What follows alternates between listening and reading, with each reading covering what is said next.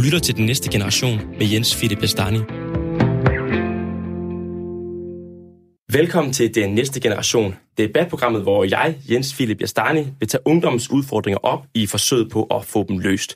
For jeg er en ung, indineret idealist, og jeg har ikke i sinde at lade de voksne diktere og definere, hvad det vil sige at være ung og være til.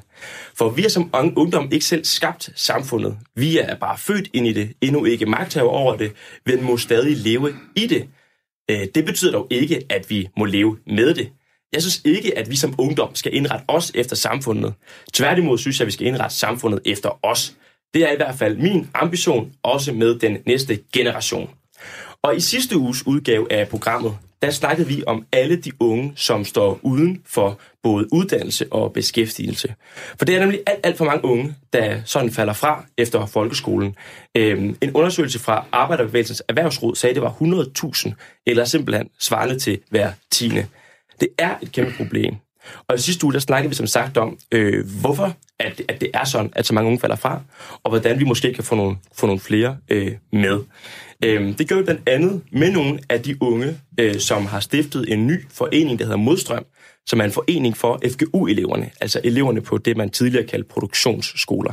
Og det er nogle elever, det er nogle unge, som står på kanten af samfundet, og som for dem, vi snakker med, gudskelov er på vej ind øh, igen. Og noget af det, de sagde, for de sagde mange ting, det er nemlig en meget sammensat og bred gruppe, øh, der var to forhold, der ligesom gik i, igen.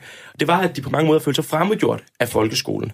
Øh, socialt i den henseende, at de havde følt sig alene, udenfor og mobbet igennem deres folkeskoletid, og fagligt, øh, fordi de følte, at skolen ikke passede til dem, at den var for bolig, at der var for meget hoved og øh, for lidt hænder. Og det er det, vi gerne vil følge op på i dagens program øh, hvor jeg spørger, om vi efterlader for mange unge på perronen, hvad angår mobning, og om folkehøjskolen simpelthen ikke passer til en stor del øh, af sine øh, elever. Og øh, med på en telefonlinje, der har vi først og fremmest øh, mig, øh, Mercado, som er undervisningsordfører for de konservative og tidligere børne- og socialminister. Velkommen til dig. Tak skal du have. Og vi har også Niels Lønnerup, som er øh, folkeskolelærer og næstformand i Dansk Lærerforenings undervisningsudvalg. Øh, velkommen til dig. Tak, ja. Og så til den første runde i programmet har vi også dig, Rasmus Kjeldahl, med i studiet. Du er direktør i Børns øh, Vilkår. Og som sagt, så skal det i første runde handle om, at det, det med, at alt for mange unge, de, øh, de føler, at de, øh, de, de står udenfor i folkeskolen, og de føler sig tilbage til socialt. Det var nemlig noget af det, de sagde, da jeg var ude og besøge dem i onsdags til deres stiftende generalforsamling og tale med de her unge FGU-elever. Og jeg kan godt tænke mig lige at starte med at øh, spille et, et klip fra det. Og du hedder Emilie? Ja. Ja. Hvor er det, du går på FGU hen? Jeg går på FGU i Vordingborg. Den hedder Sydvest-Sjælland. Okay. Og øh, hvordan er det? Jeg synes, det er meget fedt. Det er i hvert fald bedre end mine tidligere folkeskoleoplevelser og efterskoleoplevelser. Hvordan var de?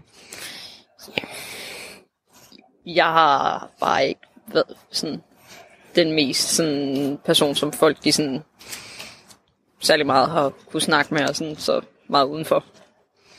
Det giver mening. Men der er et fællesskab eller hvad på... Ja, der er noget lidt andet, når man går på en produktionsskole, hvor andre de også sådan lidt måske vil kunne sådan føle noget af det samme. Uh, jeg hedder Keisha. Altså mine oplevelser på folkeskolen, jeg blev mobbet cirka hele mit folkeskoleliv. Altså fordi at jeg måske var anderledes end alle andre, måske fordi at jeg var fordi jeg så sådan noget, som jeg gør, eller et eller andet. Øhm, og herude, der, der er folk, sådan, folk, de har været næsten alle sammen de samme ting igennem. Der er største delen af folk, der er herude, de er blevet mobbet igennem deres skoleliv, fordi de er anderledes. Her der ved folk, der kan de være sig selv. Og folk, de accepterer en for det, man er. Da jeg hørte det her, da jeg hørte de her historier, det var bare to ud af, af flere, der kunne berette om, om det samme, øh, så gjorde det et ret stort indtryk på mig. Jeg synes virkelig, det, det, det er grove løjer, at, øh, at der er den her følelse af at stå helt udenfor igennem hele ens øh, folkeskoletid. Men øh, hvad tænker du, øh, Maj Mercado, når du hører det her klip? Jamen, det, at det har jo bare rigtig, rigtig store konsekvenser øh, for, for de piger, og man kan, jo, altså, man kan jo nærmest mærke, at de er mærket af at have haft en, øh, en opvækst, hvor at, øh, at de oplever måske ikke at blive set, ikke at have venner, øh, ikke at have gode, sunde øh, fællesskaber. Og jeg kan ikke lade være med at tænke på, at noget af det, der er jo rigtig meget anderledes øh, i forhold til tidligere, det er, at tidligere, øh, hvis man kommer tilbage til 90'erne eller 80'erne, øh, ja, og endda måske også en, en, en del af nullerne, der, når man var færdig med at gå i skole, så gik man jo hjem. Altså, så var mobberiet slut, så var det færdigt for den dag. Så kunne det så blive genoptaget næste dag i, i skolen. Men, øh, men det, der er forskellen til i dag, det er jo, at det her det jo er 24-7, fordi at der er kommet noget til, der hedder de sociale medier. Mm. Og det betyder, at de kan se, øh, hvordan veninderne, eller ja, det er det jo så ikke engang, altså de andre i klassen, hvordan de går til fester og har det sjovt, og snaps og streaks og øh, Insta-stories, og, øh, og, og de står udefra og kigger ind på et fællesskab. Og det gør bare de sociale medier, at mobning er på et helt andet niveau, tror jeg, end, end, end det, det var tidligere. Mm. Og det tror jeg bare er rigtigt. Jeg tror, det kan være benhårdt at være ung i dag. Det der som er kommet en det hel dimension mere igennem det digitale. Ja, øhm. ja det kan man sige, der er, der, er, der er kommet en dimension til, som vi ikke havde forudset, og som jeg heller ikke tror, at vi forstår omfanget af Nej. endnu. Jeg tror ikke, vi forstår omfanget af, hvad det gør ved folk at, at opleve at blive mobbet. Men kommer det bag på dig? Altså de her historier og, og det her med, at det går igen for mange af de unge, der er faldet udenfor, det her med, at de er blevet mobbet i folkeskolen. Altså du var jo børne- og socialminister tidligere øh, inden, inden, øh, inden valget også. Altså øh, er det noget, der overrasker dig? Nej, det overrasker mig ikke. Og vi kan jo faktisk se øh, ud af en række forskellige undersøgelser, at øh, hvis man har været udsat for virkelig grov mobning, så er det jo noget, som kan både betyde, at man får øh, psykiske problemstillinger, altså et meget lavt selvværd, problemer med øh, at finde ind i sociale fællesskaber, og det kan simpelthen sætte sig i en resten af livet. Øh, og øh, selvom det er, handler om, om mobning i folkeskolen, så vil jeg sige, at, at som socialminister, der mødte jeg jo også en række af, af de her unge, som bare har det rigtig, rigtig, rigtig svært, og hvor at det ikke kan spores tilbage til en dårlig opvækst, eller forældres skilsmisse, men hvor det simpelthen er mobning, mm. det tager udgangspunkt i. Og det gør jo bare, at det bliver så benhamrende uretfærdigt, for hvorfor er det lige præcis dem, som skal udsættes for den uh, mobning? Hvorfor er det lige præcis Emilie eller Kesha, uh, som vi hørte i indslaget, som kommer til at føle sig udenfor, kommer til at føle sig forkert? Men hvor det jo så til gengæld er opmuntrende, at vi så hører, at nu oplever de faktisk et fællesskab. De oplever, at at de kan rumme sig. At de det kan er det nemlig, fordi der sker noget, når de kommer videre ind på de FGU-skoler, der hvor de møder øh, fællesskabet. Men for at blive nede i folkeskolen, så kan jeg tænke mig at høre, øh, Niels, du er jo lærer. Øh, det kan vel ikke komme bag på dig, de her fortællinger? Nej, jeg vil sige, det, det kommer ikke bag på os, fordi vi har jo i nogle år kunne konstatere, at, at der er nogle tal, der viser, at, øh, at der er flere og flere, der oplever en, hvad skal man sige, øh, mere nervøsitet også i løbet af skolen, og, og hvad hedder det, øh, at øh, de føler sig presset, øh, ikke bare i skolen, men i hele øh, deres øh, børne- og ungdomsliv. Så, så på den måde er det ikke overraskende. Og det er selvfølgelig klart, det, det er bekymrende, og det kalder også på at, at nogle initiativer, og, og at man kigger på, øh, er der nogle ting, vi skal skrue anderledes sammen. Og det skal vi høre øh, dig, Rasmus øh, om også. Øh, fordi jeg tænker i hvert fald ikke, det kommer bag på, på, på dig. Øh, du er jo øh, de børnenes voksne talerør, kan man næsten godt sige, øh, som direktør i Børns Vilkår, der blandt andet driver øh, børnetelefonen. Øh, altså de her historier med, at der er nogen, der er blevet mobbet gennem hele deres folkeskoletid, og, og det sætter spor, og de virkelig har følt sig, følt sig efterladt. Er de ekstraordinære, eller er det sådan et udtryk for en, en, en gruppe af elever, sådan generelle hverdag? Nej, det er bestemt ikke øh, ekstraordinært, og det er jo øh, selvfølgelig et, øh, et tema, vi hører rigtig tit om på børnetelefonen. Øh, mobning har altid øh, fyldt meget øh, hos os, fordi øh, hvis man er øh, mobbet, er man jo tit øh, ret ulykkelig og ensom, og det kan også være svært at tale med sine forældre om det. Og måske øh, har de voksne svært ved at høre, hvad man siger, når man prøver på at tage det op, og der er børnetelefonen jo ligesom den ven, som øh, man, man, man kan ringe til og, og, og, og, og, og i hvert fald få luft øh, for sin frustration, og også nogle gange et øh, godt råd til, hvordan man kan, kan løse situationen. Hvis man skulle prøve at og lige få en lille streg for optimisme ind i den her samtale, øh, så vil jeg sige, øh, når vi ser på trivselsmålingerne over folkeskolen og i øvrigt også på lovgivningen, så er der faktisk øh, sket et fald i mobningen samlet set i, i Danmark. Det, det, det, der er ret tydelige tal, at øh, specielt i, i begyndelsen af nullerne, øh, hvor man begyndte at sætte ind, øh, også fra regeringens side, med nogle øh, krav til skolerne og kommunerne om at få en trivselspolitik, jamen så var der faktisk et, et ganske markant øh, fald. Ja, fordi jeg tænker, der har jo været enormt meget fokus på mobning, føler jeg. Øh, ja. I hvert fald de sidste, de sidste mange år. Der og, har... og med god grund. Ja, præcis. Men, men, men vi er ikke færdige med det endnu. Altså, du siger, at tallet er faldet. Ja, tallet faldt i, i begyndelsen af nulleren ret kraftigt, men er nu, kan man sige, fladet ud. Så vi ser ikke det fald længere, og vi ser måske endda en lille stigning.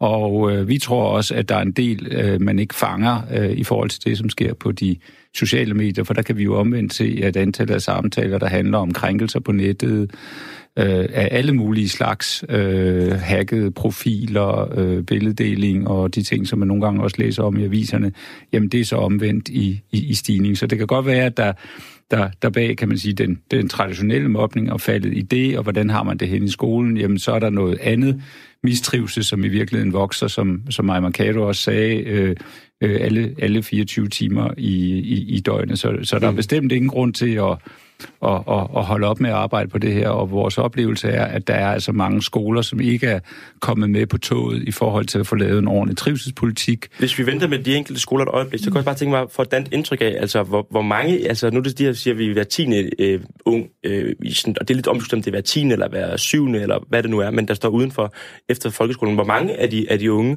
og børnene oplever mobning i, i skolen sådan på, på landsplan generelt? Ja, men det kan jo opgøres lidt på, på forskellige måder, men, men, men et sådan øh, øh rimeligt tal er måske mellem sådan 7 og 9 procent i virkeligheden af, af, af børnene. Øh, ofte sådan faktisk, der er mere mobning i de yngre klasser, og så bliver det lidt mindre i de ældre klasser, måske fordi man får, får gang i nogle øh, trivselspolitikker, øh, men det kan selvfølgelig også være, fordi der er mange, der så er, er ligesom skiftet skole og på en måde blevet øh, smidt ud af, eller valgt at forlade det fællesskab, øh, som, som var.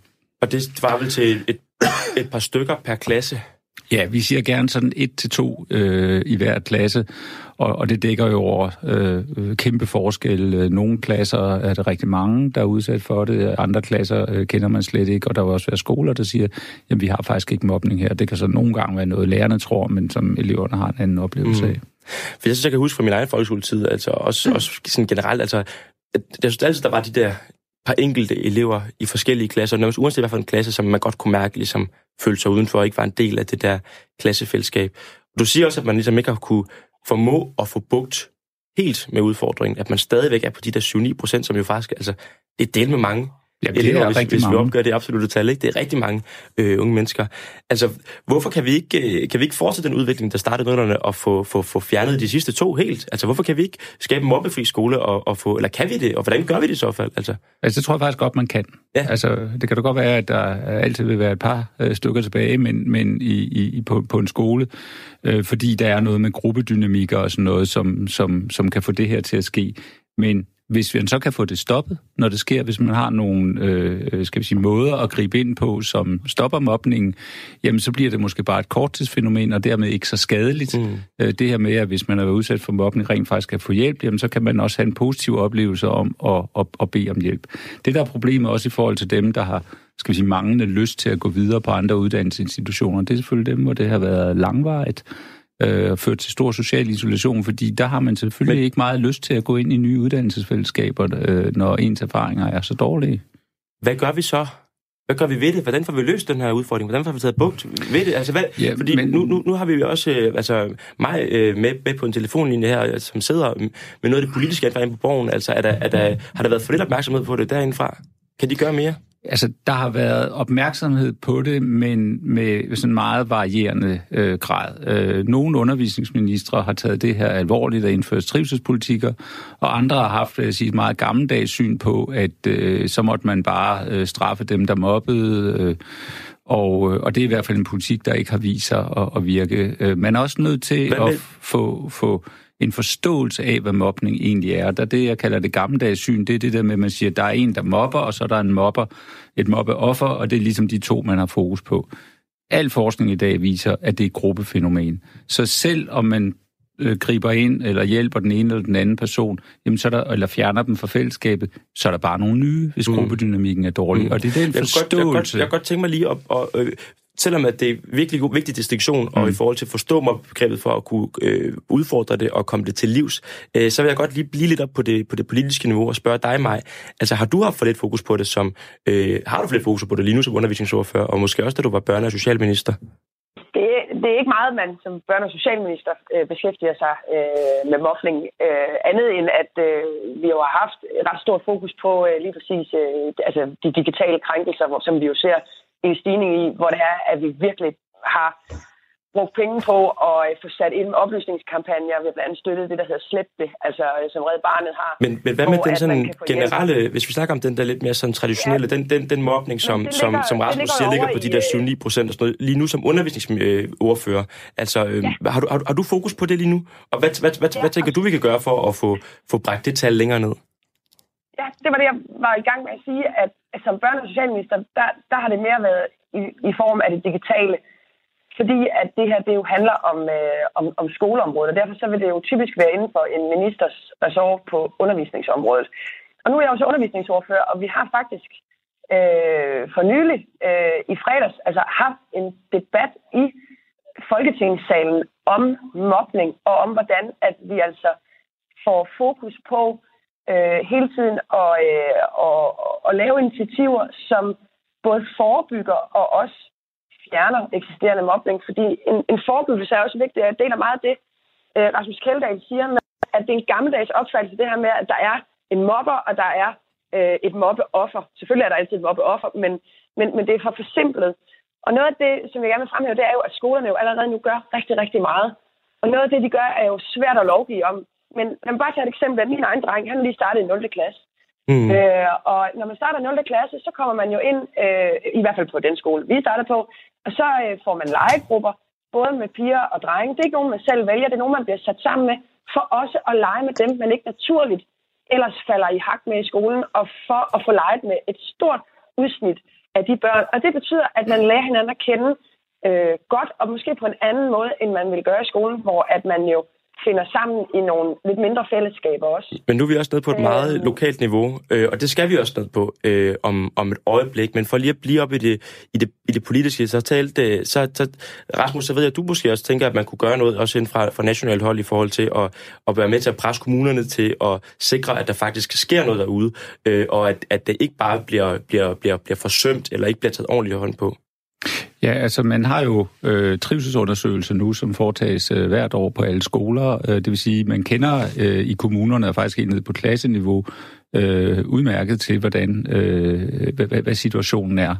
Og, øh, og man kan sige, at de her trivselsundersøgelser, det er der nogle skoler, der så har brugt som et instrument til at sige, om vi har et problem, øh, lad os udvikle det. Men der kunne jeg egentlig godt tænke mig et lidt kraftigere politisk pres, og måske gennem noget lovgivning, at hvis man Øh, altså, at hvis man lå, øh, kan man sige, øh, under middel i forhold til trivsel, jamen så var skolerne og, og kommunerne, øh, som jo er dem, der så at sige ejer og driver skolerne, jamen de øh, var så forpligtet til at lave en, øh, en, en indsats. Så, så det ikke bare bliver sådan helt decentraliseret, det der ansvar, fordi vi kan altså se, at som sagt, mange skoler gør det godt, og og så hører man gode historier om det. Men der er altså også nogle, en hel del, øh, jeg ved ikke, man skal kalde det sorte eller hvide pletter på kortet, øh, her, hvor, hvor der bare ikke er den bevidsthed hos øh, ledelsen og lærerne, hvor måske er givet lidt op og tænkt, om sådan er det jo bare. Og der kan vi jo altså nogle gange se, at det er 25-30 procent af, øh, af børnene, der ikke øh, trives. Og de børn, de kan selvfølgelig ikke modtage læring.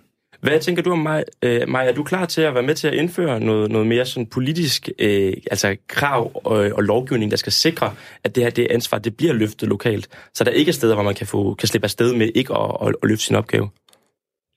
Ja, det tror jeg faktisk hele øh, den borgerlige øh, lejr er, i hvert fald mange øh, af de borgerlige partier, fordi når vi så har haft sådan en god debat i Folketingssalen øh, om mobning, så skal man også øh, stemme om det, der hedder en vedtagelse. Og noget af det, de borgerlige er gået sammen om øh, og, øh, og, og, og, og udtrykke øh, af holdning, det er, øh, at øh, der skal løbende foretages en evaluering af skolernes antimobbestrategier med henblik på eventuelle justeringer. Og det er jo lige præcis med henblik på at sikre, at hvis der er steder, hvor man kan se, at her der er bare ikke en høj nok trivsel, Øh, og øh, at den her antimobbestrategi er mere bare glitret papir, end, øh, end, end egentlig en strategi, som lever derude, og hvor man altså helt ude i klasselokalerne har respekt for hinanden og, øh, og, øh, og sikrer, at øh, hvis der opstår mobning, at så, øh, så får man øh, taget en snak med, øh, med, øh, med, med hele klassen omkring det. Øh, jamen, og nu kunne jeg godt tænke mig faktisk også... Spørgsmålet, er så, spørgsmålet er så, om vi når det hen, hvor at det også bliver regeringens politik. Fordi der er jo ikke, nogen, øh, der er ikke noget hemmeligt i, at det regeringen har lagt frem, og som vi skal stemme om i, øh, i næste uge, vil jeg, vil jeg tro, jamen det er bare, at øh, det her skal man have et øje på, og, øh, og, og, og måske også mere sådan en, en, en tanke om, at der er måske ikke så meget, man kan gøre fra politisk hold. Og det, det er jo sådan, lyder det interessant i hvert fald. Det, det, det kunne jeg godt tænke mig at følge op på i forhold til dem øh, på et tidspunkt, fordi det øh, virker da lidt også som ansvarsfølelse. Øh, ja, men vi skal faktisk lige tage et, tage et niveau tættere på. Du sagde sætter noget med ud i klasseværelserne, ud til eleverne. Og jeg havde også en, en, en FGU-elev, der hedder Angel, øh, med i, i studiet. Jeg vil godt lige spille et lille klip med, hvad, hvad, hvad hun sagde. Øh, jeg blev mobbet hele min skolegang, stort set, undtaget i 10. klasse. Øh, så jeg gik ikke rigtig i skole fra en 3., 4., 5. klasse af. Der var jeg der måske en gang om ugen i et par timer, og så skred jeg igen, fordi at jeg kunne simpelthen ikke tage at være der. Altså, jeg tror, det har noget at gøre med det, at det, du falder ud fra skolesystemet, det er, at lærerne gør absolut nul og niks. Dengang jeg gik i folkeskole, der var det meget sådan, om vi, vi snakker med deres forældre, og snakker med dine forældre, I kommer til noget samtale. Ved du hvad, der skete aldrig noget som helst. De blev bare ved. Forældrene gav dem en skideball. Var de røvlig glade? De var røvlig glade. Og Niels Lynerup, du er som sagt øh, lærer og næstformand i DLF's undervisningsudvalg. Det, vi hører her, det er vel ikke godt nok? Nej, det kan man, det kan man da roligt sige. Det, det, er, det er da en trist øh, fortælling, der kommer der. Øh, og det, det, det er helt klart, at det, at det, det kan man kun sige, det skal der arbejdes på for at, at få gjort bedre. Men jeg synes jo egentlig også, at, at jeg synes jo, Rasmus har været inde på nogle helt rigtige ting. Altså, altså det er jo rigtigt lige i øjeblikket. Vi, vi, har, vi har jo aldrig haft mere fokus på trivsel, end vi har nu.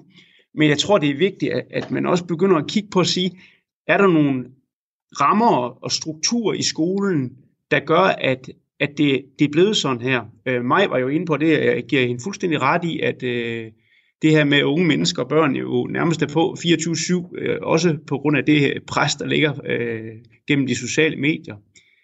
Men, men, men der er jo også nogle strukturer i skolen, der har ændret sig. Altså, vi, vi snakker i, i stigende grad om, at, at der er det, vi kalder en præstationskultur. Nogle kalder det en perfekthedskultur i skolen. Øh, og det ved vi altså også fra forskningen af, at det har betydning for, hvordan unge og børn de danner deres fællesskaber. Det har du fuldstændig øh, ret i, Niels. Der er, og det taler vi faktisk også om i en af vores tidligere programmer, den her præstationskultur, øh, det her præstationspres, der ligesom øh, kan sige at være både i folkeskolen, men også videre op i uddannelsessystemet. Øh, men jeg vil meget gerne tale lidt specifikt om mobning i, i dag. Jeg var faktisk også inde på jeres hjemmeside øh, for at se, hvad, hvad DLF mener om det. Og jeg kunne ikke finde en selvstændig kategori, der handlede om mobning. Man skulle ind, der hed trivsel i skolen, og så ind under mobning. Altså, hvad med den sådan direkte klassiske mobning? Hvordan adresserer I den som, som lærer, og hvad synes I, vi skal gøre for at, at få, få, den, få den til livs? Ja, vi har jo helt øje for, at alle børn skal trives, og det, det, Men hvis vi snakker derfor, om de der 5-7-9 procent, som, som Rasmus taler om, øh, i dag bliver, bliver mobbet, hvordan kan vi gøre noget for at undgå, at de bliver mobbet? Jamen, altså jeg tror, en af, de, en af de ting, man helt konkret kan gøre, og, og som, hvad skal man sige, måske har taget en skæv retning i, de, i i de sidste fem, fem år, det har været, at øh, det vi jo egentlig i, øh, også rundt omkring i verden er meget berømt for, det er den klasselærerfunktion, som vi sætter så stor pris på, og som har en enorm betydning for klassens sociale fællesskab og for den enkelte elevs trivsel. Den øh, har i nogen grad øh, været sat lidt ud på et sidespor. Heldigvis så øh, har mange øh, skoler beholdt deres klasselærerfunktion, det har langt de fleste heldigvis, men den kan vi godt styrke igen, fordi klasselæreren simpelthen har en enorm betydning for hele klassens trivsel. Rasmus, hvad hedder det? Øhm, inden du skal til at smutte her om et minut, og vi skal i gang med den næste runde, øh, vil du så ikke lige have lov til at, at, at sige, hvad tænker du både om det, som Nils siger nu her, det som mig siger, og hvad er dit sådan øh, sidste budskab at, at gå ud på? Jamen, for, for, for det første vil jeg sige, at øh, jeg synes, det er rigtig øh, interessant, og det er jo også en proces, vi følger det her med, at øh, det ser ud som om, at øh, den siddende regering øh, åbenbart ikke er langt nok fremme i skolen, når det gælder om at be, bekæmpe trivsel. Og faktisk vil jeg sige, når jeg kigger tilbage også på den øh, tid, altså den, den regering, som mig var en del af, så har det vist sig, at indsatsen her er utrolig personafhængig. Der var nogle ministre, som gik meget op i det, øh, og nogle andre øh, fra den samme regering, som ikke gik særlig meget op i det. Og jeg kunne godt tænke mig, at øh, den her politik, den blev sådan mere øh, forankret og, øh, og solid. En, en anden kommentar, jeg gerne vil sige, nu prøvede jeg lige at være lidt optimistisk i begyndelsen om, at mobningen ser ud til at være faldet. Noget, der ikke er faldet, men tværtimod er stigende, og også var noget af det, Angel der var inde på, øh, det er det her med skoleværing eller fravær. Der er faktisk en stigende antal elever, som slet ikke kommer i skole, som vælger at blive hjemme, for hvem det giver mere mening at blive hjemme, end at gå hen i skolen. Det synes jeg er utrolig bekymrende, for det ved vi har nogle meget, meget direkte konsekvenser for deres øh, videre øh, uddannelsesvalg. Og det kan være et emne, som vi skal tage op, fordi det er netop ja, et problem øh, i stigning. Øh, jeg vil gerne sige tak til dig, Rasmus Kjeldahl, direktør i Børns Vilkår, fordi du har tid til at kigge ind i dag og være med til at snakke om, hvordan vi kan få udryddet mobning, hvordan vi kan sikre, at øh, alle øh, børn og unge kan få en øh, mobbefri skoletid, hvor at, øh, at de får en god oplevelse i skolen, så de også har lyst til at gå videre bagefter. Øh, tak fordi du var med. Øh, og det vi ligesom måske kan sige, at, øh, at, vi, øh, at vi, vi nåede lidt frem til, det var i hvert fald, at der stadig er et, et problem med mobning. Det er blevet reduceret, men det er der. Det er stagneret i et eller andet øh, omfang, og der er noget, øh, der kan gøres både på et lokalt niveau, øh, på et politisk niveau, selvom at regeringen øh, øh er, er tøvende, hører vi. Øhm, og, øh, og så er det det spørgsmål om den bredere øh, trivsel, og også om skolevævring. Øh, øh, men nu skal vi videre til næste runde. Lytter til den næste generation med Jens Philip Bastani. Fordi noget af det andet, som øh, rigtig mange af de her elever, som øh, jeg øh, talte med, da jeg var ude og besøge dem i øh, for to onsdage siden på Fyn, øh, det var, at, øh, at skolen den simpelthen var blevet så bolig, at den ikke længere passede til dem. Øh, altså, at den skole simpelthen ikke passer til en stor del af, af sine sin elever, øh, fordi de føler sig fremmedgjort af den, fordi de skal sidde og, læse og regne og skrive på, en, på et tidspunkt, hvor de måske i virkeligheden øh, ikke kan sidde stille, men hellere vil ud og øh, bruge deres, øh, deres hænder. Det var i hvert fald noget af det, de sagde, og jeg kan godt lige tænke mig at spille et, øh, et klip, hvor at nogle af dem de siger noget om det. Jeg hedder Mads. Og øh, går på FGU? Ja, FGU var det. Fedt. Hvorfor gør du det? Øh, det er fordi, jeg havde lidt problemer i skolen med at følge efter i timen og sådan noget. Jeg havde lidt for meget fravær. I folkeskolen? Ja. Hvad handlede det om? Ja, jeg var lidt en møgunge pjekket nogle gange. Sådan, havde nogle mange sygedage. Sådan lidt af hvert. Og hvordan er det så nu at gå på FGU? Det er meget fint. Jeg har begyndt at lave lidt mere, fordi nu sidder jeg heller ikke inde i klasseværelse hele tiden jo. Så at komme ud og arbejde det stedet for, det synes jeg er meget mere fedt. Og det giver noget andet så? Ja, det giver lidt mere flere resultater for mig, for jeg kan ikke klare sig ind i klasseværelse i nogle timer og bare så stille og efter. Jeg vil helst gerne ud og lave noget fysisk.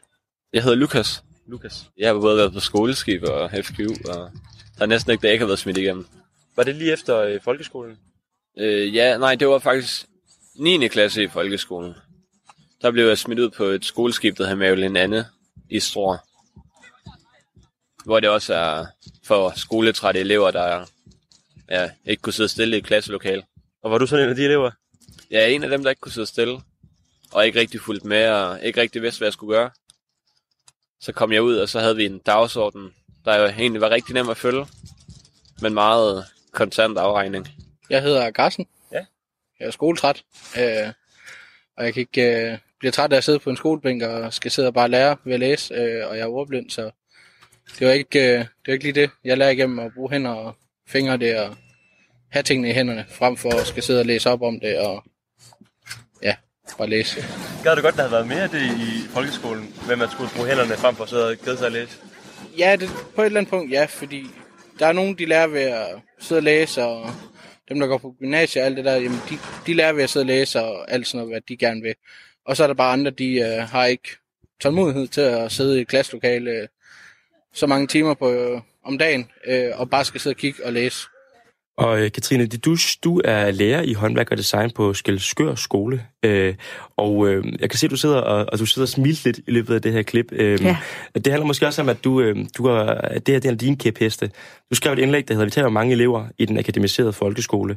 Øh, de elever, du ligesom snakker om, det er nogle af de elever, vi lige har hørt lidt om her, som siger det her med, at de er nogle møgeunger, der ikke kan klare sig selv og bliver skoletræt og sådan noget. Altså, det, er det nogle af de elever, som, øh, som, som, som du også har? Det kan det sagtens være. Sagtens være, og det er endda elever ned i 3. klasse. Her der taler vi om unge mennesker, som er har forladt folkeskolen. Men, øh, men jeg ser også elever i, i hele skolen, som kunne være de elever, der lige har talt her. Og hvad er det, det handler om? Altså, øh, at skolen er blevet for, for, for bolig, øh, hvad betyder det? Og hvad betyder det at, at, at for de her elever også? Jamen, igennem en lang årrække har vi jo haft rigtig meget fokus på, på tests i skolen, altså boglige tests. Øh, øh, vi har ligget uheldigt med nogle PISA-undersøgelser, øh, og, og det har ligesom gjort, at, øh, at vi skulle have haft rigtig meget fokus på den boglige viden i folkeskolen. Øh, altså nogle krav, der er sat af regeringer gennem tiden. Øh, og det er jo fint nok at have fokus på boglighed, men det har været på stor, altså med den bekostning, at de praktiske fag ligesom er blevet udfaset mere og mere øh, igennem de sidste år. Altså her senest, øh, hvor det, det, der hed sløjt og håndarbejde, øh, gik fra at fylde fire timer på et skoleskema for 4., og 5. og 6. klasse øh, til at blive til håndværk og design, der nu fylder to timer. Øh, så, så, så det er bare et enkelt eksempel, og hvis man kigger tilbage i tiden, så er det blevet, fylder de mindre og mindre har det fyldt mindre og mindre igennem årene. Maj, da du gik i folkeskole, kunne du så bedst lide at have, at have sløjt eller have dansk? Jeg tror ikke, jeg havde sløjt. Jeg kan i hvert fald ikke huske det. Mm. øhm, men jeg kunne godt lide at have dansk. Ja. Det skal jeg ærligt sige. Ja. Hvad, hvad med alle de elever, der ikke er så glade for dansk, men bedre kan lide, kan lide håndarbejde eller sløjt, eller det vi i dag kalder håndværk og, og design? Øh, har vi tabt dem i, fol- i folkeskolen? Vi har i hvert fald over nogle årtier nærmest, ved jeg tro, øh, bygget en folkeskole op, som er meget, meget boglig. Øh, og øh, det er jo sådan, at det er ikke alle, som kommer ud, som, øh, som skal ind i en akademisk verden, eller som, øh, som skal på et gymnasium. Øh, og øh, nogen skal vi, har vi simpelthen brug for kommer ud og bruger håndværker, øh, hænderne og bare bliver fantastisk dygtige håndværkere. Øh, og det her altså, sådan uddannelsesnopperi, der har været igennem nogle år med, at det var finest at komme på, øh, på gymnasiet, det er jo bare noget pjat. Altså, fordi vi er gode til nogle forskellige ting. Øh, og det at, øh, at være håndværker, det har simpelthen også bare en kæmpe, kæmpe stor stolthed.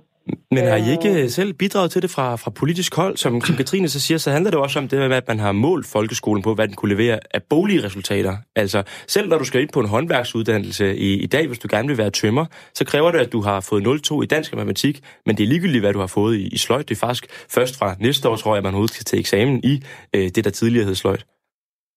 Ja, og det er også derfor, der blandt andet bliver indført en eksamen i de fag, som ikke er de boglige fag. Det er for, at de også kan tælle med, så de også kan være med til at trække et gennemsnit op. Øhm, er det sådan, at jeg kunne få lov til at stille spørgsmål til Katrine øh, omkring design? Det kan du tro. Jeg sad i en, jeg sad i en fantastisk øh, seminar eller konference i går, som Danmarks Lærerforening arrangerede, hvor at øh, vi jo øh, drøftede en, øh, en række forskellige ting. Øh, og på et tidspunkt, så, øh, så får jeg sådan et, eksempel på, hvordan at selv nogle af de fag, som ikke skal være boglige, altså eksempelvis designfaget, faktisk alligevel tenderer at være bogligt. Og det er i hvert fald noget, som, som jeg ikke som politiker er opmærksom på. Øh, men øh, nu kommer spørgsmålet. Here goes. Øh, der var en lærer i går, som, øh, som sagde, at i det fag, som hedder design, der er en stor del af fokus i de fælles mål, altså i det, man kunne kalde fagbeskrivelsen for faget. Jamen, de går meget på det her med, at altså, der er en proces øh, inden for design, altså at man skal kunne lave skitser, øh, at øh, man skal øh, ligesom have hele processen, som leder op til øh, det at, øh, at kunne kreere noget med, med hænderne. Og, og, og hvis det er rigtigt, at fokus egentlig mere handler på sådan den forberedende proces og på de faser. Og hvad er spørgsmålet så? En, øh, en, en, I sådan nærmest en, en, en projekt øh, skitsering, jamen så handler det jo meget mindre om det, der var tanken med faget, nemlig at fremstille ting. Altså det at gå ind Katrine, og designe, var, det, øh, prøve... Øh, Katrine, altså er selv i de, i, i, i de håndværksmæssige fag, man har, er der så stadigvæk for meget bolighed og for lidt håndværk? Jeg, jeg tror desværre, det er meget individuelt fra underviser til underviser, hvad, hvordan man tolker faget håndværk og design. Fordi der er jo ikke mange uddannede håndværk- og designlærere, øh, fordi det er jo et forholdsvis nyt fag, og det er et nyt fag på seminarierne. Øh, ja. Så derfor er det meget individuelt. Øh, personligt så går jeg øh, går håndværk før design for mit vedkommende. Øh, fordi hvis du skal kunne designe noget, så skal du også kunne vide, hvordan du håndværksmæssigt fremstiller noget. Øh, det er min forståelse af det. Der er jo nogen, der er uenige. Øh, og hvis det er, som du siger, at, øh, at, altså fordi i en, en designproces, der er der mange dele i den, og den, den kan være bolig, men den kan også være praktisk ved, at du skal lave, øh, lave øh, mock-ups, kan man kalde det, altså øh, små eksempler på et møbel i papir og i karton, for eksempel. Men, men noget af det, vi i hvert fald også kan, kan, kan se, som jeg har hørt fra, fra, fra flere, øh, blandt andet fra, fra, fra dig, Nils, øh, det handler også om, øh, det handler ikke om, om, om håndværksfagene er blevet for bolig, det handler om, de bolige øh, fag er for lidt håndværksagtige. Altså om den her praksisorientering øh, overhovedet ikke finder sted, eller i hvert fald finder sted i alt for lille grad i alle de andre øh, fag. Øh, hvad tænker du om det, Niels? Jamen det, jeg, jeg synes, Katrine havde, var, var inde på det allerede, at øh, man kan sige, at en af de grunde til, at man også indførte en længere skoledag, det var jo, at det var, der skulle give åbnes mulighed for, at, at netop at man kom mere ud af klasserummet, at der blev mere den åbne skole. Øh, og jeg tror, man må sige, at tendensen jo nok næsten, øh, om ikke er blevet modsat, men så, øh, så kan man sige, at den er i hvert fald ikke åbnes på den måde, som man havde håbet på. Og det, det man må sige, det er jo også fordi, man har lagt det ind over, at, at skolens øh, succes nærmest skal måles på de her nationale test, øh, hvor man skal opnå, at 80% er, er gode i de nationale test. Og det, man skal lægge fokus på, tror jeg, øh, det, det er jo godt for håndværk og design, som Katrine her repræsenterer, at de har, har fået øh, faget, hvad skal man sige, opgraderet. Men det er rigtig vigtigt, at man også prøver at kigge på at sige, jamen det der med praksisfagligheden, det her med, at det skal være mere helhedsorienteret og balance mellem bolig og øh, noget anvendelsespraktisk, øh, jamen det skal sådan set ske i alle fag. Øh, og det, det tror jeg er vigtigt, at man prøver at skabe nogle rammer for det. Og så synes jeg, der er en anden ting, der, der er hvis rigtig vi lige, vigtigt. Hvis vi lige bliver ved, ved det der øjeblik, fordi jeg, jeg, jeg kan se, at... Den sidste, den sidste pointe omkring det her, det her med karakter. Det, det, der er sådan ligesom udbredt sig sådan, ligesom at, at, at for at et fag er vigtigt, så skal der være karakter. Det, det, vil, det vil jeg altså godt anholde og sige, ved I hvad, vi, vi skal altså også prøve at lægge vægt på at sige, i skolen, der handler det, det skal ikke kun handle om karakter, det skal handle om, og, og at man også får nogle, nogle, nogle rum, hvor det ikke er, handler om karakter, men, for, men hvor det handler om en mestring af, af faget, altså blive bedre i faget. For lige at blive ved det første, du sagde, for der kan jeg se, der markerede du også, Katrine. Øhm, hvordan får vi så den her praksisfaglighed ind i de andre fag? Ja, fordi det er, jo, det, det er jo det, jeg også plæderer enormt meget for, det er, at vi som undervisere inddrager de praktiske elementer øh, på, al, på alle årgange, øh, helt fra 0. til 9. klasse. Ikke? Men vi må også være realistiske og sige, at, at, at det, det er rigtig svært, det tager rigtig lang tid øh, at forberede, øh, og ikke mindst at udføre. Øh, jeg har kørt øh, koblet naturteknologi og øh, håndværk og design sammen fra første klasse af, det gør jeg for nogle år siden, fordi jeg så, at eleverne kunne mindre, og det er en helt anden debat. Det der med, at de kan bruge deres hænder langt mindre, end de kunne før i tiden. Øh, det tog helt vildt lang tid for mig at, at forberede undervisningen, men jeg er en ildsjæl, så jeg gjorde det, fordi jeg synes, det var nødvendigt, og det var sjovt. Og hvordan, hvordan oplevede eleverne det? Hvad fik de ud af det? Kunne du mærke en uh, forskel fra at gå for de der skoletrætte elever, der måske sad og sagde puha, og så... Helt klart. Jeg har et eksempel med en elev, øh, der gik i 3. klasse på det tidspunkt, i, hvor vi havde en traditionel naturteknologiundervisning, som umiddelbart, øh, i hvert fald når jeg forbereder undervisning, så er den ikke bogligt øh, engageret, skulle jeg til at sige, bogligt øh, funderet, så er den meget praktisk orienteret. Øh, men alligevel så synes han ikke, det var særlig fedt. Øhm, vi, gik, øh, vi havde et, et forløb om, hvad hedder sådan noget, om, om Danmarks kystlinjer, og vi, vi gik i håndværk og design for at skabe nogle, det der i gamle dage hed sømbrædder. Nu hedder det string art, meget fornemt. Øh, den her bolig, trætte elev. Jeg ved ikke, hvad nogen af delene er. Nej. Som sådan men, en bolig, bolig type. Noget selv. med nogle, øh, et, et bræt og nogle søm, der bliver hamret i, og så vikler man tråd rundt om sømmene. Meget simpelt. Men den her elev gik fra at være skoletræt og altså en af de typer, som vi hørte lige før som, som ung, ikke? Øh, og den der irriterende type, vi alle sammen kender. Sådan er det bare. Han gik fra at være den, der, der ingenting ville, til at være den, der var engageret og aktiv, hjalp de andre og, øh, og havde styr på det, og glæden strålede ud af ham. Øh, og det er bare et eksempel. Det, og nu var det lige en, en måske boglig svag elev, vi snakker om nu, men det kunne lige så godt være lille Lise, som faktisk er en akademisk pige, at mm. hun får øjnene op for, mm. hvor fedt det er at bruge sine hænder. Så der er noget med, med, med praksisfaglighed i flere fag? Ja. Er der andet, man kan gøre? Du sagde, det var også noget med at opprioritere simpelthen. Altså... Lige præcis, fordi, det, fordi min ledelse, jeg gik til min ledelse og spurgte, må jeg ikke gerne få lov til at eksperimentere med det her? Jo, hvis jeg overholder målene for faget selvfølgelig, for begge fag. Men det, så det kræver, at der er en ledelse, der, der der synes, det er fedt, at der mm. prioriterer de praktiske fag. Hvad med politikerne? Det var så min næste, det var, det var lige præcis min næste øh, pointe, det er jo, at, at der det skal... Være, du skal der lov til at stille spørgsmål tilbage der igen skal, i virkeligheden. Der skal nogle timer til, og, og vi er jo, har jo været en lille smule presset sådan siden 2013, lad os bare sige det, øh, også lærere, og vi har jo, hvad, hvad var det, jeg lige har noteret her? I sidste år, der var der 1200 lærere, der forsvandt fra folkeskolen, ikke? Øh, og det er desværre nogle af de ildsjæle, som ikke føler, de har tid og overskud til de her ting flere mere, fordi det, det bliver for presset. Øh, så og nu ved jeg jo godt, med den nye finanslov, der har vi fået en x antal millioner til folkeskolen. Men, men den har jeg i hvert fald ikke været med til at forhandle. Øh, hvad, Nej, tænker, hvad, tænker, hvad tænker du mig? Altså, øhm, er, er, er der for dårlige rammer i forhold til ude på folkeskolerne til at kunne, kunne, kunne, øh, kunne, kunne køre med mere praksisfaglighed i undervisningen?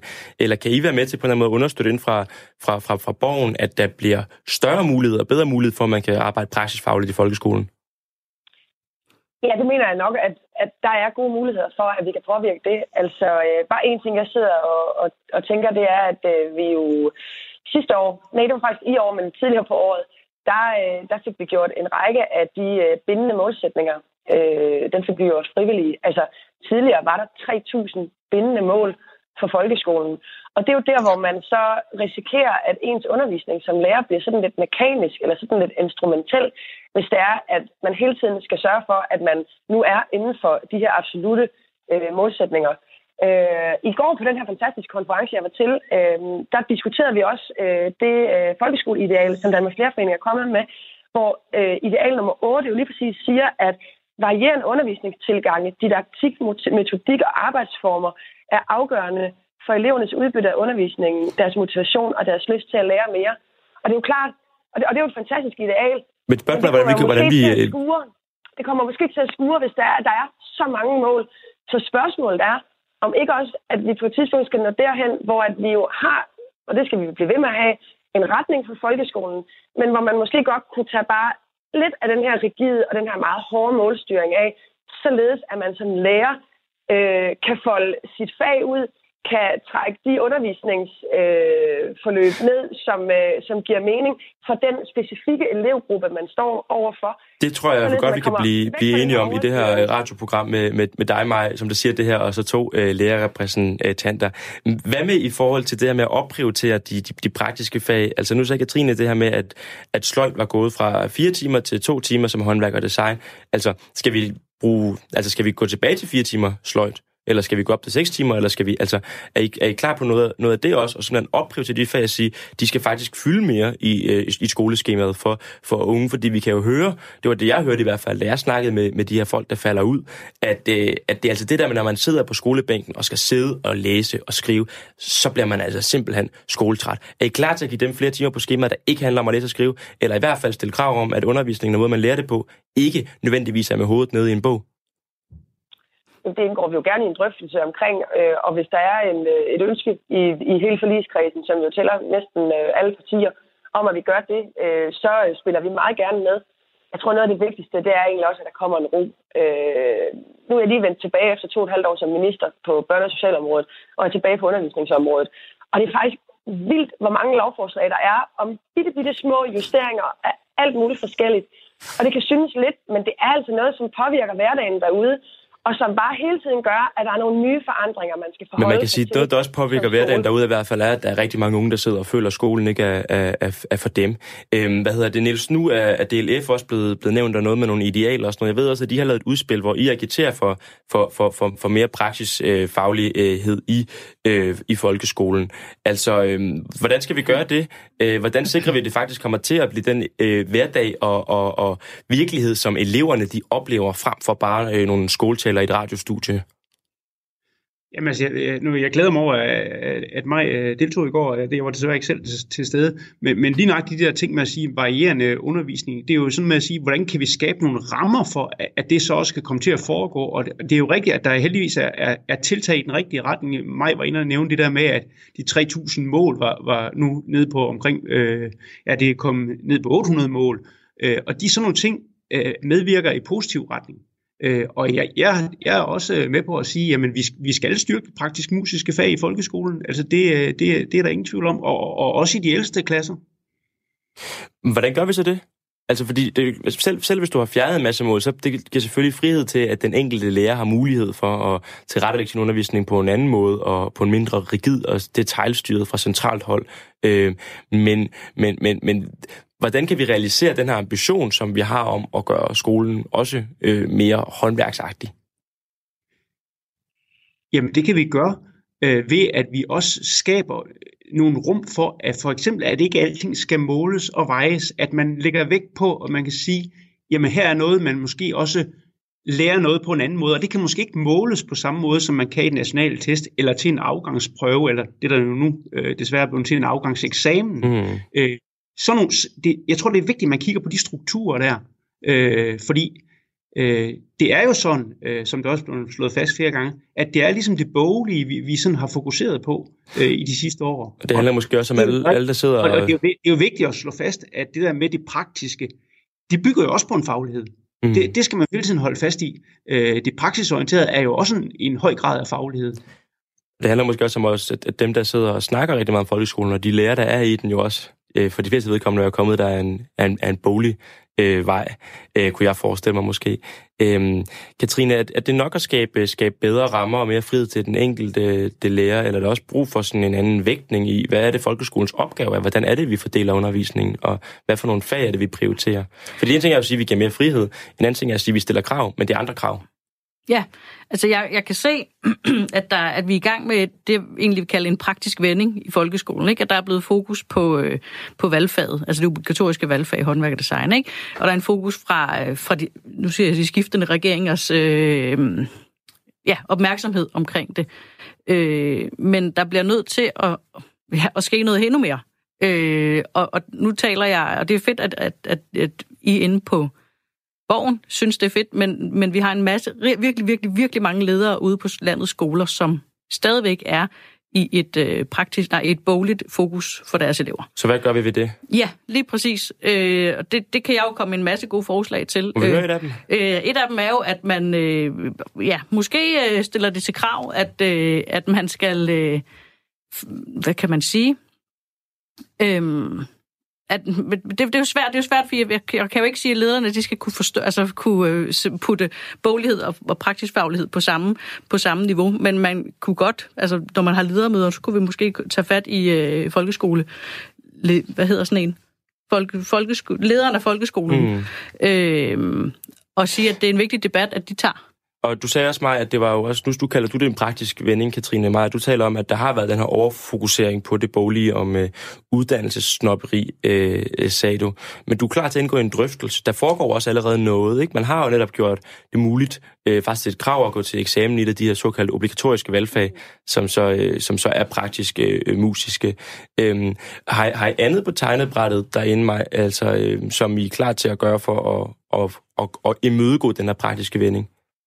Også at sikre, at, øh, at eleverne bliver sig bevidst om, øh, om de gode styrker, de har. Øh, og det er jo alt fra at, øh, at vejlede dem og til at sikre, at de kommer ud i nogle gode brobygningsforløb, således at man får set, jamen, hvad er der af muligheder, man kan uddanne sig indenfor. Øh, fordi noget af det, man i hvert fald ofte møder som en anekdote, jeg ved ikke, om det stadigvæk er en anekdote, men, men man møder den i hvert fald ofte, det er, at, at, øh, at det er altså mors stemme mm. eller holdning til øh, uddannelse betyder meget. Og hvis mor har besluttet sig for, at, øh, at, at det er sex, altså gymnasiet, det er, bare, øh, det er bare lige sagen, så er det ikke sikkert, at, øh, at man får foldet det kæmpe potentiale ud, som der ville være for den elev, som måske skulle gå i en anden retning, eksempelvis på en, på en rigtig, rigtig solid erhvervsskole. Mm. Så, så, så, så alt det er jo vigtigt. Og så er det jo også lige præcis vigtigt at understøtte de forskellige øh, hvad kan man sige, måder, der er at lære på, og der er rigtig, rigtig stor forskel øh, på, hvordan elever lærer, således at hvis man ikke er så boglig, jamen så skal man jo stadigvæk have understøttet sin læring på de måder, som så passer til en. Og det er jo der, hvor læreren skal kunne udfolde sit, øh, sit ledelsesrum i øh, klasseværelset og, og, og kunne have blik for den enkelte elev. Øh, og, og hvis man er meget, meget stramt styret af mål, øh, eller hvis man oplever ikke at have tid nok til at forberede sig, eller man oplever, at øh, fordi man har for lidt tid til at forberede sig, så bliver man nødt til at bare hente nogle forhånd fastsatte forløb ned og bruge dem i undervisningen, således at man ikke får taget bestik af den enkelte gruppe, eller at inklusionen ikke er lykkes, eller alle de andre ting, som der er udenom, jamen så er det, at man risikerer, at man ikke får fat i de elever, som har brug for den her særlige hjælp og guidance. Jeg synes, øh, umiddelbart virker det, som jeg godt kan mærke, at du er kommet i opposition mig i forhold til, øh, til, til, de, øh, til de bud, du kommer med på, hvordan vi kan, vi kan løse det her. Øhm, men spørgsmålet er også, om vi, får, om vi får gjort noget ved det. Altså, om, om vi kan stå i den helt samme debat, både i forhold til mobning i virkeligheden, og i forhold til øh, det her med bolighed om, om, om 10 år. Altså, om, om vi rent faktisk kan få bugt med nogen øh, med de her to øh, problemer, og i så fald, øh, hvordan. Og det vil jeg godt tænke mig, at vi faktisk lige tog en lille runde om, snakket om, hvad skal der ske øh, nu, når vi øh, går fra, fra. Inden der vil jeg gerne sige tak til dig, Katrine Diduk Dusch, undskyld, øh, lærer okay. på Skelskør i håndværk og design, øh, fordi du var med til at, at, at, at, at prøve at tale nogle af de øh, fag øh, op. Øh, og nu til runden om, hvad vi så kan gøre ved det. Du lytter til den næste generation med Jens Philip Bastani. For jeg synes, at der er kommet rigtig mange gode bud på bordet, øh, både hvad angår øh, mobning og hvad angår det her med den, den, den forboligt orienterede øh, skole. Men spørgsmålet er så, hvad vi gør ved det, for at undgå, at vi står i samme situation om, om 10 år. Og jeg kunne godt tænke mig både at høre dig, Niels, og også at høre dig, mig. Øh, hvad, hvad går I hjem og gøre nu? Hvad er næste skridt i den her henseende? Fordi det er jo både som undervisningsordfører og som øh, folkeskolelærer, ligesom jeres øh, resort. Og vil du ikke starte, Niels? Jo, altså jeg tror, jeg, jeg vil gerne prøve i hvert fald lige at, at, at sammenfatte det at sige, fordi der, de to problemstillinger, du har haft op, dem synes jeg stadigvæk også godt kan kæde sammen af den, det, jeg har kaldt præstationskultur. Og der tror jeg altså, det er vigtigt, at vi i skolen får skabt det, vi nogle gange kalder præstationsfrie rum. Det skal jo ikke misforstås som om, at det er nogle rum, hvor, hvor, hvor der kan ske hvad som helst. Men i hvert fald nogle rum, hvor der er tid til fordybelse, og hvor man ikke i så høj grad lægger vægt på, at det skal bedømmes og vejes og måles. Det er den ene ting. Det andet, det er jo så, at jeg tror, øh, og det ved jeg jo også, at man kigger på nu fra politisk side, det er, de der nationaltest, har de haft for stor betydning? Og hvordan? Eller det er jo øh, øh, ret indlysende, at de har haft for stor betydning. Det er ligesom det, man bliver målt og vejet på det tror jeg, man skal kigge på og få lavet om, og det er man jo også i gang med.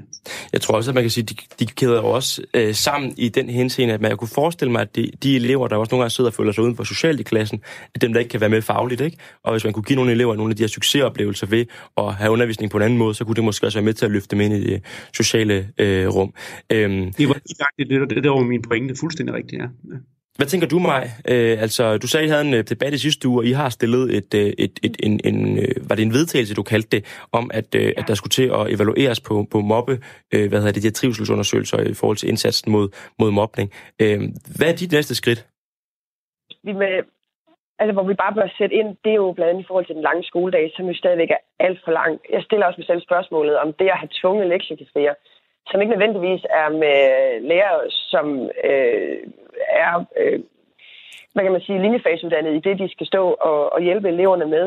Øh, altså, der er, nogle, der er nogle strukturelle elementer, vi, vi, som jeg rigtig gerne vil kigge på, men jeg, hvor jeg bare må konstatere, at det er der bare ikke et flertal for øh, i Folketinget. Og så har jeg også en drøm om, og det bliver heller ikke i morgen, øh, at vi får en femårig læreruddannelse. Øh, tror du, det, det vil gøre folkeskolen være... mere eller mindre bolig? Ja, det, jamen, jeg tror, det vil løfte folkeskolen fuldstændig øh, fantastisk. Øh, og det kan godt være, at den skal være på en professions... Øh, øh, uddannelse, øh, men med ben ind i øh, universitetet. Det kan også være, at det skal være omvendt, men det er på en femårig for... øh, læreruddannelse. Det drømmer jeg virkelig om, fordi jeg tror... Umiddelbart kunne jeg da forestille mig, at hvis vi havde universitetsuddannede folkeskolelærer, at så ville folkeskolen blive øh, mere og ikke mindre øh, bolig i forhold til at løse den udfordring, vi har talt om i dag. Men, men, men altså, øh, lige til sidst, øh, jeg synes, fordi Nej, både dig, Niels og mig, I taler meget generelle vendinger om folkeskolen også. Altså, hvis vi skal zoome ind specifikt, hvad vil I gøre i forhold til mobning? Hvad vil I gøre i forhold til boglighed? Helt kort, Niels det vil blive en gentagelse. Jeg, jeg vil sige, jeg synes, jeg tror, det spiller så meget sammen, at vi skal skabe nogle rammer. Så ikke noget særlig mobbeindsats, ja, ikke nogen særlig boglighedsindsats som sådan? Mere ja, den... men, man, er jo, man er jo rigtig mange steder i gang. Det nævnte Rasmus jo også med, med at lave indsats mod mobning, trivsels, øh, trivselsundersøgelser så, og handleplaner for de her ting. Så det tænker jeg, det, det, er man, det er man godt i gang med, og det arbejde skal man fortsætte. Men jeg synes, det er vigtigt det her med at sige, vi ved, at de, det her, den her præstationskultur, der er kommet, den har en enorm betydning for, hvordan eleverne danner fællesskab. Mm. Og så får du 30 sekunder mig, inden jeg bliver nødt til at runde programmet af, så vi ikke går over tid. Ja, jamen, jeg er enig med Niels i, at altså, det er rigtig svært at, at lovgive sig øh, til mindre mobning. Og noget af det, vi kommer til at kigge på, og som der er en enighed i kredsen om at kigge på, det er jo at gøre de nationale test. Det er at kigge på adgangskravene til ungdomsuddannelserne, som jo er et kludetæppe dag. Og så skal vi altså også have kigget på 10. klasse og have forbedret 10. klasse. Og det bliver de sidste ord for dig, mig, øh, Mercado. Tak fordi du var med, undervisningsordfører fra Konservativ. Også tak til dig, Niels øh, Lønnerup, øh, som er folkeskolelærer og næstformand i Danmarks Lærerforenings undervisningsudvalg. Øh, det var en fornøjelse at snakke med om den her, øh, de her to udfordringer, som spiller direkte ind i en af de allerstørste udfordringer, vi har, nemlig hvordan vi får alle unge med, hvordan at ingen unge de skal efterlades på perronen efter øh, folkeskolen. Det var måske også på nogle måder lidt deprimerende, selvom der er håb forude, men jeg vil også godt lige bringe en glædelig nyhed fra en helt anden boldgade, inden vi når at, at runde af. For to år siden der snakkede vi om en blokade på Københavns Universitet Universitet, som studerende havde lavet. Og den er faktisk blevet ophævet her for en lille uge siden, med at de studerende de har erklæret en sejr. Den omstridte målplan er genåbnet, de studerende krav er øh, blevet fuldt, og et nyt papir, som blev lovet i vores papir, er også blevet underskrevet, der sikrer de studerende mere øh, medbestemmelse. Hvis du har noget, vi skal snakke om en anden gang, så skriv ind til ung radio4.dk eller til mig på Facebook med idéer til nye emner, nye vinkler, eller hvis du simpelthen bare øh, synes, at vi er helt galt afmarcheret. Øh, og ellers så tusind tak, fordi du lyttede med. Gør det igen i næste uge eller på vores podcast. Tak skal I have.